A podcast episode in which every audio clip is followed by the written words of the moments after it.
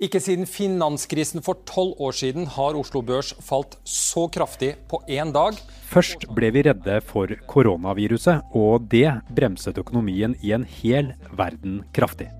Så startet Russland og Saudi-Arabia en oljepriskrig på verst tenkelige tidspunkt. Men her får vi da en, en krise oppå en krise. Resultatet ble børsras og kaos i verdensøkonomien. Det kaoset kan få store konsekvenser for både din og min privatøkonomi. Høyst sannsynlig så blir det verre før det blir bedre. Dette er Forklart fra Aftenposten. Jeg heter Andreas Bakke Foss. Det er onsdag 11. mars.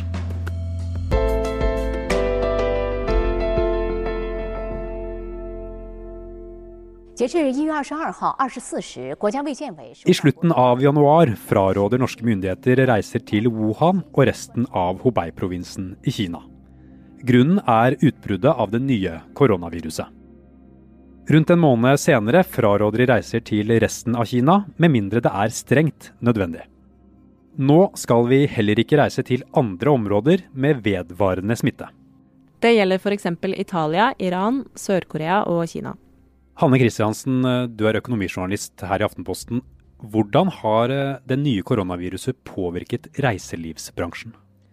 Reiselivsbransjen er helt klart den bransjen som hittil er blitt hardest rammet av virusutbruddet. Det er helt enkelt fordi folk og bedrifter er redde for smitte, og dermed avlyses planlagte reiser, arrangementer og store konferanser. Uh, I motsetning til andre typer kjøp, så er jo det inntekter som går tapt. Det er ikke sannsynlig at en eh, stor konferanse utsettes, den blir bare avlyst. Uh, og de tapte inntektene det går som sagt da hardt utover flyselskaper, hoteller og andre bedrifter som er avhengig av, av besøkende. da.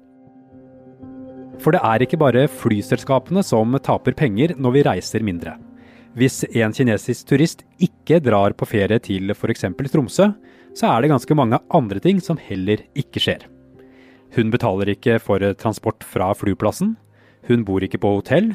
Hun betaler ikke for en guidet tur til Kvaløya for å se nordlyset. Hun spiser ikke torskemiddag, og kjøper heller ikke kjøleskapsmagneter med troll på.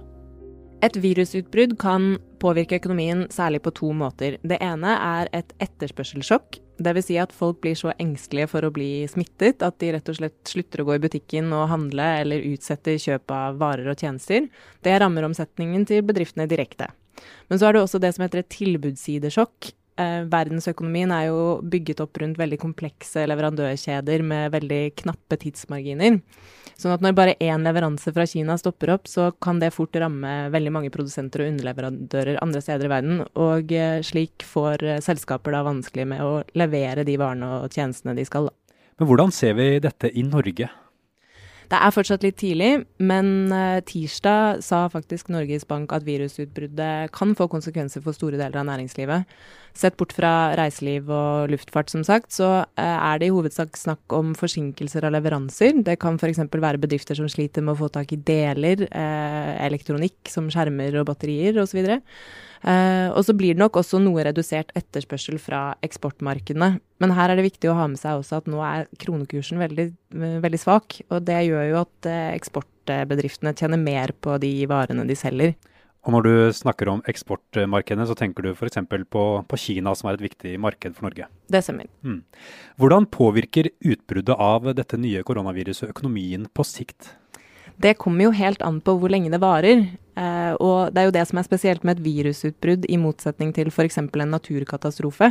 Eh, I en naturkatastrofe så rammes økonomien hardt, eh, men det skjer i overskuelig fremtid. Altså man, katastrofen vil stoppe opp økonomisk aktivitet, men så fort gjenoppbyggingen begynner, så kan man forvente ny og ofte økt økonomisk aktivitet. Det kan man også eh, ved et virusutbrudd, men problemet er som sagt at man ikke vet når den økonomiske aktiviteten begynner igjen. Eh, og det skaper mye usikkerhet og uro, både blant folk som da ikke nødvendigvis går ut og kjøper det de hadde planlagt, og blant eh, leverandører som ikke får levert det de skal, men også i aksjemarkedene. ikke sant? Og den uroen som man ser i aksjemarkedene nå, det bidrar til at eh, bedrifter får det vanskeligere med å få tak i den kapitalen de trenger for å holde driften i gang mens eh, virusutbruddet står på som verst. Både bedrifter, arbeidstakere og økonomer har ropt etter politisk handling for å dempe krisen i Norge. I går kom regjeringen på banen. Men vil tiltakene hjelpe? Vi er straks tilbake.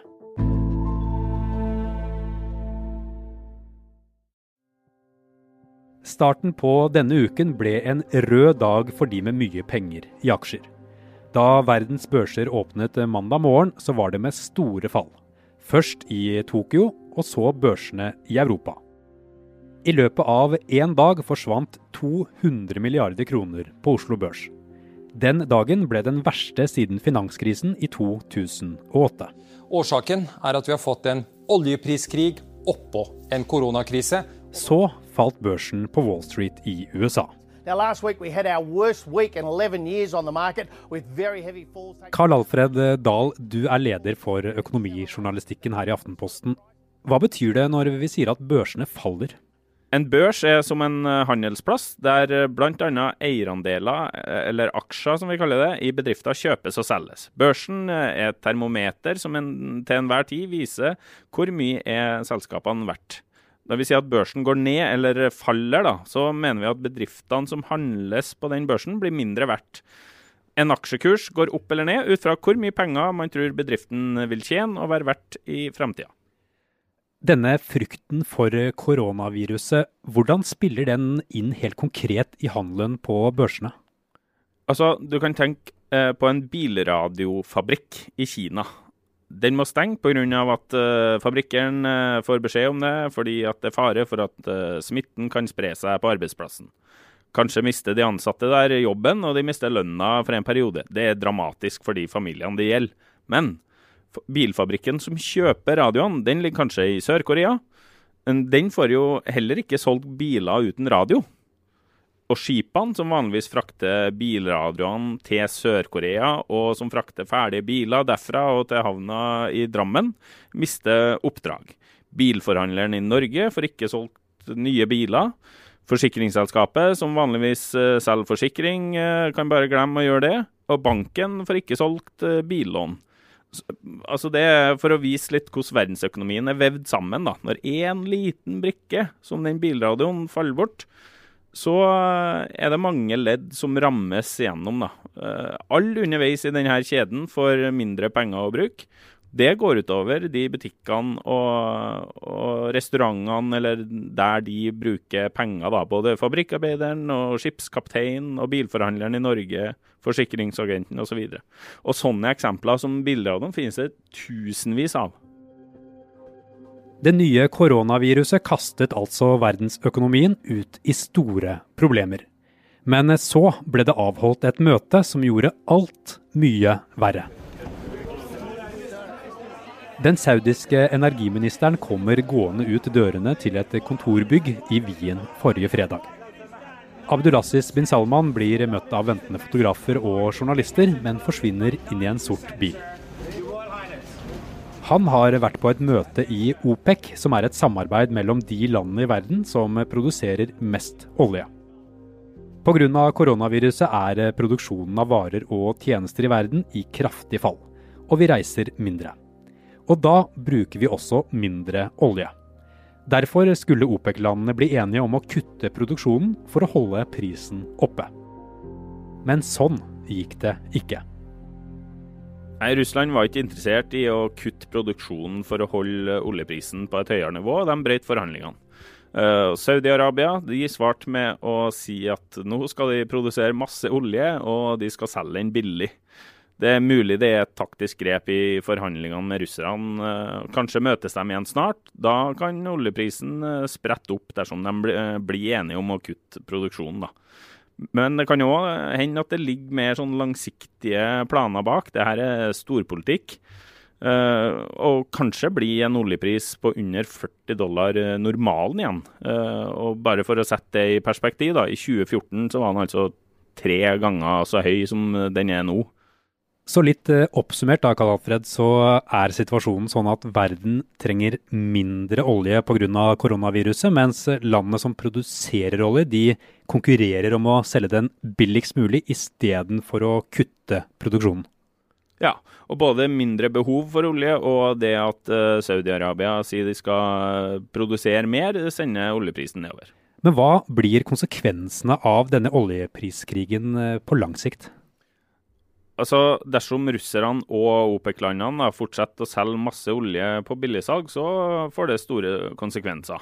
Å hente opp olje i Saudi-Arabia koster under 10 dollar per fat. Det er veldig billig. I Norge er oljefatene fra enkelte felt mer enn dobbelt så dyr, og andre felt koster kanskje tre ganger så mye å hente ut. Eh, for bare noen år siden var det mange ganger det igjen. Og dermed vil jo færre nye oljefelt i Norge være lønnsomme, da, fordi kostnaden for å hente ut oljefatet blir større enn prisen du får betalt når du skal selge den. Det vil ikke lønne seg. Eh, og de som bruker olje til å produsere varer, sånn som drivstoff og plastikk, de kan jo se fram til gode tider. De får billigere råvarer inn. Eh, luftfart og andre transportbransjer får lavere kostnader. og Så gjenstår det å se om folk er klar for å ut og fly igjen snart, da. Derfor jobber regjeringen nå med tre typer tiltak, eller tiltak i tre ulike faser. Statsminister Erna Solberg og finansminister Jan Tore Sanner varslet i går flere tiltak for å bedre norsk økonomi. Vi vil bruke penger i helsevesenet for å håndtere den akutte situasjonen. Vi foreslår å endre permitteringsregelverket. Vi foreslår også endringer i skattereglene. Hva er det Sanner og Solberg gjør nå for å redde situasjonen? De eh, endrer bl.a. reglene for permitteringer, sånn at eh, bedriftene ikke eh, Det koster ikke bedriftene så mye å, å sende folk hjem fra arbeid for en periode. Det blir billigere for dem. Staten tar en større del av regninga, rett og slett. Og da, da blir det enklere for for bedriftene å komme seg gjennom eh, krisen da, uten å måtte si opp folk, for permitteringa er jo bare midlertidig. da. I tillegg så gjør de noen eh, skattemessige grep eh, for bedrifter som går med underskudd nå, sånn at de skal lettere få tilgang til lån i bankene på kort sikt. Det er sånt som typisk hjelper på når, du, når inntektene tørker inn og du, du fortsatt har regninger som før. Da, så hjelper det på. Tredje ting er formuesskatten. Der kan da bedriftseiere som eier et selskap som går med underskudd, de kan få utsatt uh, formuesskatteregninga si. Fordi Sanner sier at, at alternativet for dem er å ta ut utbytte fra, altså ta ut noe av pengene i bedriften da, for å betale formuesskatteregninga. Og det mener uh, det skal de slippe i en sånn krisesituasjon som man kan havne i nå, da. Det er de tre tiltakene som kommer umiddelbart. Men vil disse tiltakene ha noen effekt?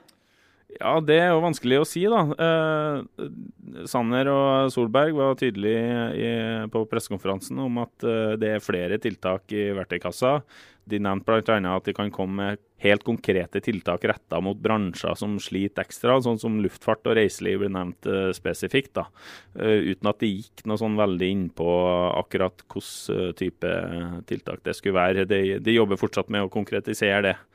Og at det kan komme gen mer generelle, brede tiltak for å, for å, sørge for at økonomiske aktiviteten holdes opp, og at folk fortsetter å bruke penger, og, og bedriftene ikke minst klarer å fortsette å tjene penger. Så det vi kan si er at de nå har hentet fram noen få litt målrettede verktøy, men at de lar de store verktøyene fortsatt ligge i verktøykassa? Ja, de, eh, de, sier i hvert fall at de har eh, mer å by på om det skulle bli nødvendig. og det er Veldig mye av effekten her, eller virkningen, er jo bare, bare at de sier det. At det, ligger der. Det har en sånn signaleffekt som virker betryggende, både på børser og, og diverse. Så Norwegians aksjekurs gikk rett opp igjen etter at luftfart ble nevnt uh, spesifikt som et uh, område der man muligens kan komme med konkrete tiltak. Men hvilke konsekvenser kan denne situasjonen med koronaviruset få for eh, lommeboken eh, min og din? Det er tre moment som, eh, som primært påvirkes for den jevne nordmanns lommebok. Og det er da klarer man å beholde jobben. Én av fire bedrifter varsla nå, nå, i en rundspørring rundt helga at de vurderer permittering.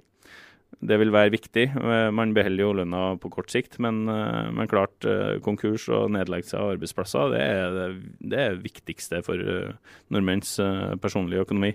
Det andre er rentemøtet i neste uke. Blir renta kutta, så for det som for de fleste er den største utgiften i det daglige, nemlig boliglånet, det blir billigere.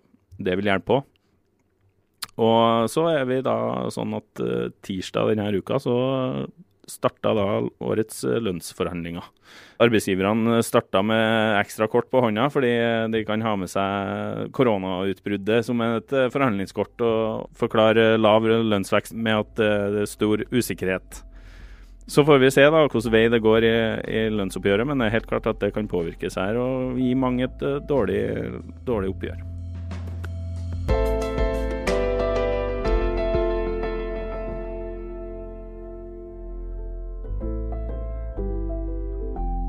Forklart lages av Caroline Fossland, Anne Lindholm, Fride Næss Nonstad, Kristoffer Rønneberg og meg, Andreas Bakke Foss.